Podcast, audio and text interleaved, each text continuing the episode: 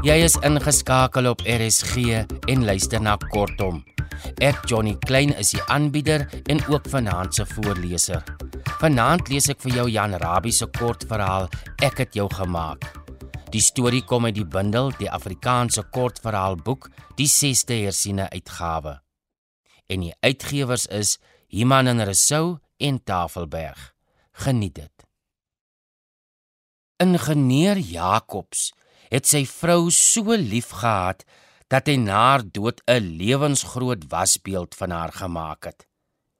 Elke aand as sy tuis kom, het sy op haar gewone plek aan die tafel gesit, gekleed in haar trourok en met 'n stuk breiwerk in haar hande wat nooit meer kon beweeg nie.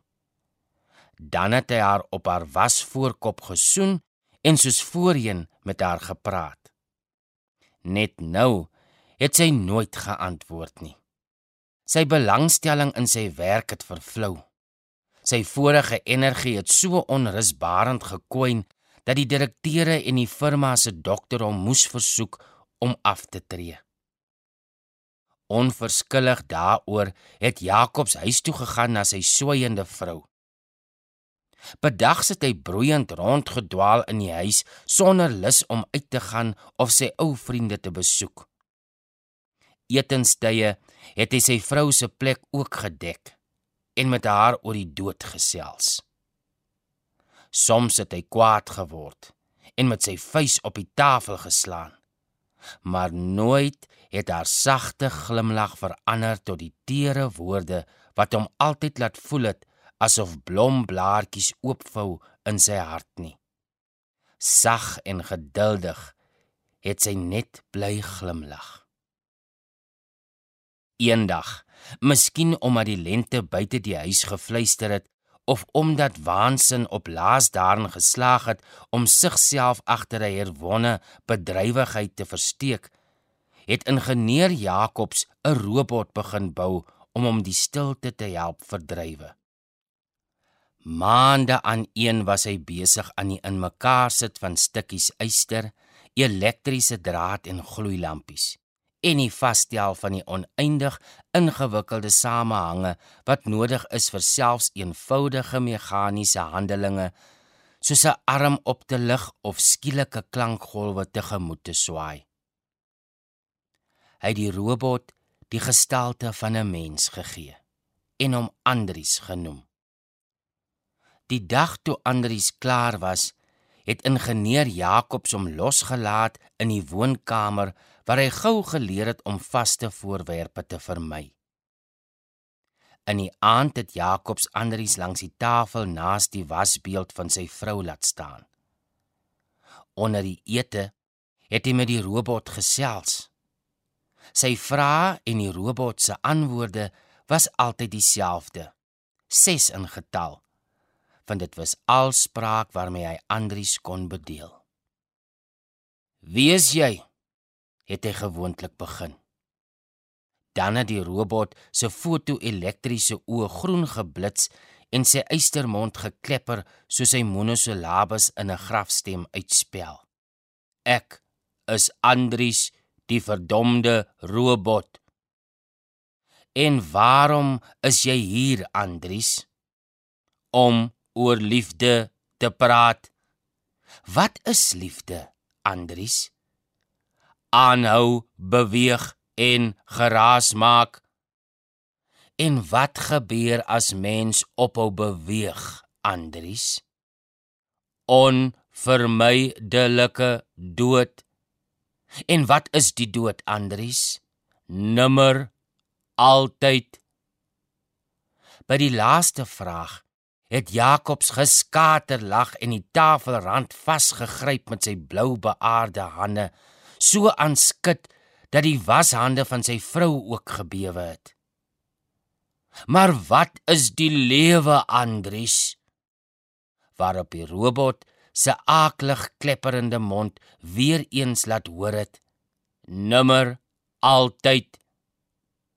Dan het Jakob sy mes en vurk opgeneem en aan sy swygende gesellin vertel: "Het jy dit gehoor, Betty?"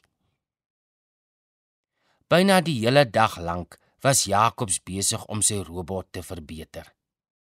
Hy het Andri so ver gekry om te kom as sy naam genoem word om 'n voorwerp in sy eysterhande te neem en dit fyn te druk. Maar Andri het niks op sy eie gedoen nie en slegs op telekommandeerde bevele reageer. Eenmal het hul daaglikse gesprek Jakobs in so 'n woede laat uitbars dat hy sy stoel na Andries gegooi en al die breekware op die tafel verpletter het. Jou verdomde robot, wie is jy om van die dood te praat? Het hy in 'n hygende spot die robot se monosolabiese spraak nageboots. Jy wat nie eens lewe kan ondervind nie, moenie vergeet dat ek lewendig is nie, lewendig. Die dag daarna het hy uitgegaan om 'n pot verf te koop. Hy teruggehaas deur die sonnige strate, die voordeur gesluit en Andri se massiewe metaallyf met swart oordek. Nou rou jy, Andries het hy vertel oor Betty wat dood is en oor my wat ook moet sterf. Snags het die twee gestaltes om van oorkant die tafel aangestaar. Die grimmige swart eysterding en die wasbeeld eteries in haar sneeuwwit klere soos 'n appelboom oordek met bloeisels. Hy het selde geëet en dikwels maar net voor hom gesit en staar met sy kop afgehurk tussen sy skouers en sy lippe geluidloos aan die beweeg. Al meer het hy in 'n angskoma verval waarin trane na sy oë wel en een vir een op sy wange droog. Daaruit het hy vol vertwyfelde energie ontwaak. Wat is liefde, Andries? het hy geroep. En dan het die robot soos 'n doodsroggeling uit die graf geantwoord: "Aanhou beweeg en geraas maak." Hy het opgehou praat met sy vrou en in gesprek met die robot onbewus in dieselfde stotterende monosilabes verval. Nou kon hy dit nie meer verdra om Andries te lank uit gesig te verloor nie. Hy was altyd aan die roep na hom en besig om te spot met sy gebreke of sy lelike gevreet. Alles is na die mense ewebeeld gemaak, het hy Andries meegedeel. God, die duiwel en jy. Ja nee. Ek het jou na my ewebeeld gemaak sodat ek vir jou kan lag. En dan het hy Andries een beweging tot 50 maal laat herhaal of sy battery in die middel daarvan diskonnekteer. Andries het altyd net gelyk of hy geduldig wag dat Jakobs moet klaar kry. Op 'n dag het Jakobs die ragfyne trourok van die wasbeeld afgepluk en oor Andries se swart karkas gehang. "Jou moeilikheid is dat jy lelik is. Ek moet jou mooi maak," het hy gesnak van die lag. Nou tik jou lief. In heldere oomblikke het die wilde koorsglans in sy oë net aangegroei. Selfs as hy stil in sy leningstoel lê, was hy ongeduldig besig met 'n nuwe idee, 'n nuwe plan om Andries te verbeter. "Weet jy dan nie ek is 'n skitterende ingenieur nie?" het hy teen die robot gespog en dat ek tot in alle ewigheid beroemd sal wees nie. Ja, ja, Andries, weet jy dan nie ek gaan jou lewendig maak nie. En hy het voortgeëil teen die onverstoorbare robot oor hoe mens regtig net vir 'n wese in menslike gestalte bevrees kan wees en hoe sot dit is dat hy nie vir hom Andries bevrees is nie. Jy's verkeerd. Liefde is vrees, het hy die robot doodsbleek verseker. Tog het hy die staaldeur in Andri se bors 'n hele week lank nie oopgemaak nie. Hy was kalm toe hy op laas begin aan die laaste deel outomatiese kamratte wat binne Andri se staaldop ingepas moet word. Dit was maklik om Andri se foto-elektriese oë te laat reageer op die liggaamshitte van 'n lewende wese. Heel maklik om die mikrofone in Andri se ore te reël. Wat moeilik was, was om Andries daartoe te bring om sulke liggaamshitte gepaard met beweging en geluid te agtervolg. Dit geduldig en onverbiddelik te agtervolg totdat hy dit bereik en om dit dan met sy eysterarms te omhels tot die warmte koud word en geluid en beweging verstil. Toe alles klaar was, het ingenieur Jacobs die robot weer eens in die sneeuwwit trourok geklee. Hy het die skakelaar nie aangeslaan nie, maar sy maar uitgeputte lyf na sy stoel gesleep. Lank het hy roerloos bly sit. Teen die namiddag het voetstappe die huis genader en het iemand waarskynlik 'n koppige vriend aan die voordeur geklop. Jacobs het sy kop nie gedraai en skynbaar nie gehoor hoe die stappe weer wegsterf nie. Slegs langsaam het 'n triomfantelike glimlag uitgekruip langs die uitgeteerde fore van sy gesig. Baie langsaam het hy opgestaan, die robot genader en die skakelaar gedraai.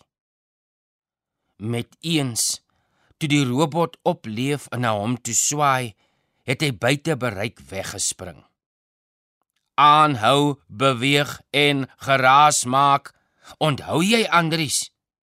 Het hy triomfantelik gehuig. Snap jy dit nou? Hy het ingespring agter die tafel, verder weg van die robot wat nader kom met opgehefte eystertange. Die wasbeeld het op die vloer geval, glimlaggend afgryslik naak. Jakobs het verbygespring na 'n ander hoek van die kamer. Andries was stadig maar seker. Hy het omgeswaai om sy makker opnuut swaarvoetig maar onverbiddelik te agtervolg. "Sien jy? Nou's jy verlief op my?" het Jakobs hoonend gespot, waar hy teen 'n muur aanhurk en kyk hoe die robot naderkom met elke tree die trourok gebewe soos 'n bloeiselblom in 'n Septemberbries. Nagmerrieagtig in teenstelling met die stare swart kop en groot swart eystertange opgelig om te gryp. Gehurk teen die muur, het Jakobs gesien hoe sy dood in die gewaad van sy liefde naderkom. Nou is jy ook verlief. Het hy gehuig. Net toe die robot byna by hom was, het hy weggespring, vry. Waansinnig het hy gestamel. "Nee, nee, Betty, ek is nog nie reg vir jou nie." En hy het gestorm na die naaste deur, dit oopgeruk, toegeklap en agter hom gegrendel. 'n Bietjie later het hy teruggekom, aangetrek in sy troupak. 'n blom in sy knoopsgat.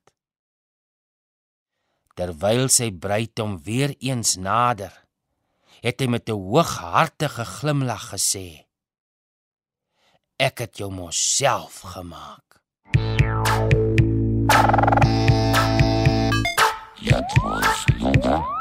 Ja, ja, Dit was ek het jou gemaak deur Jan Rabie.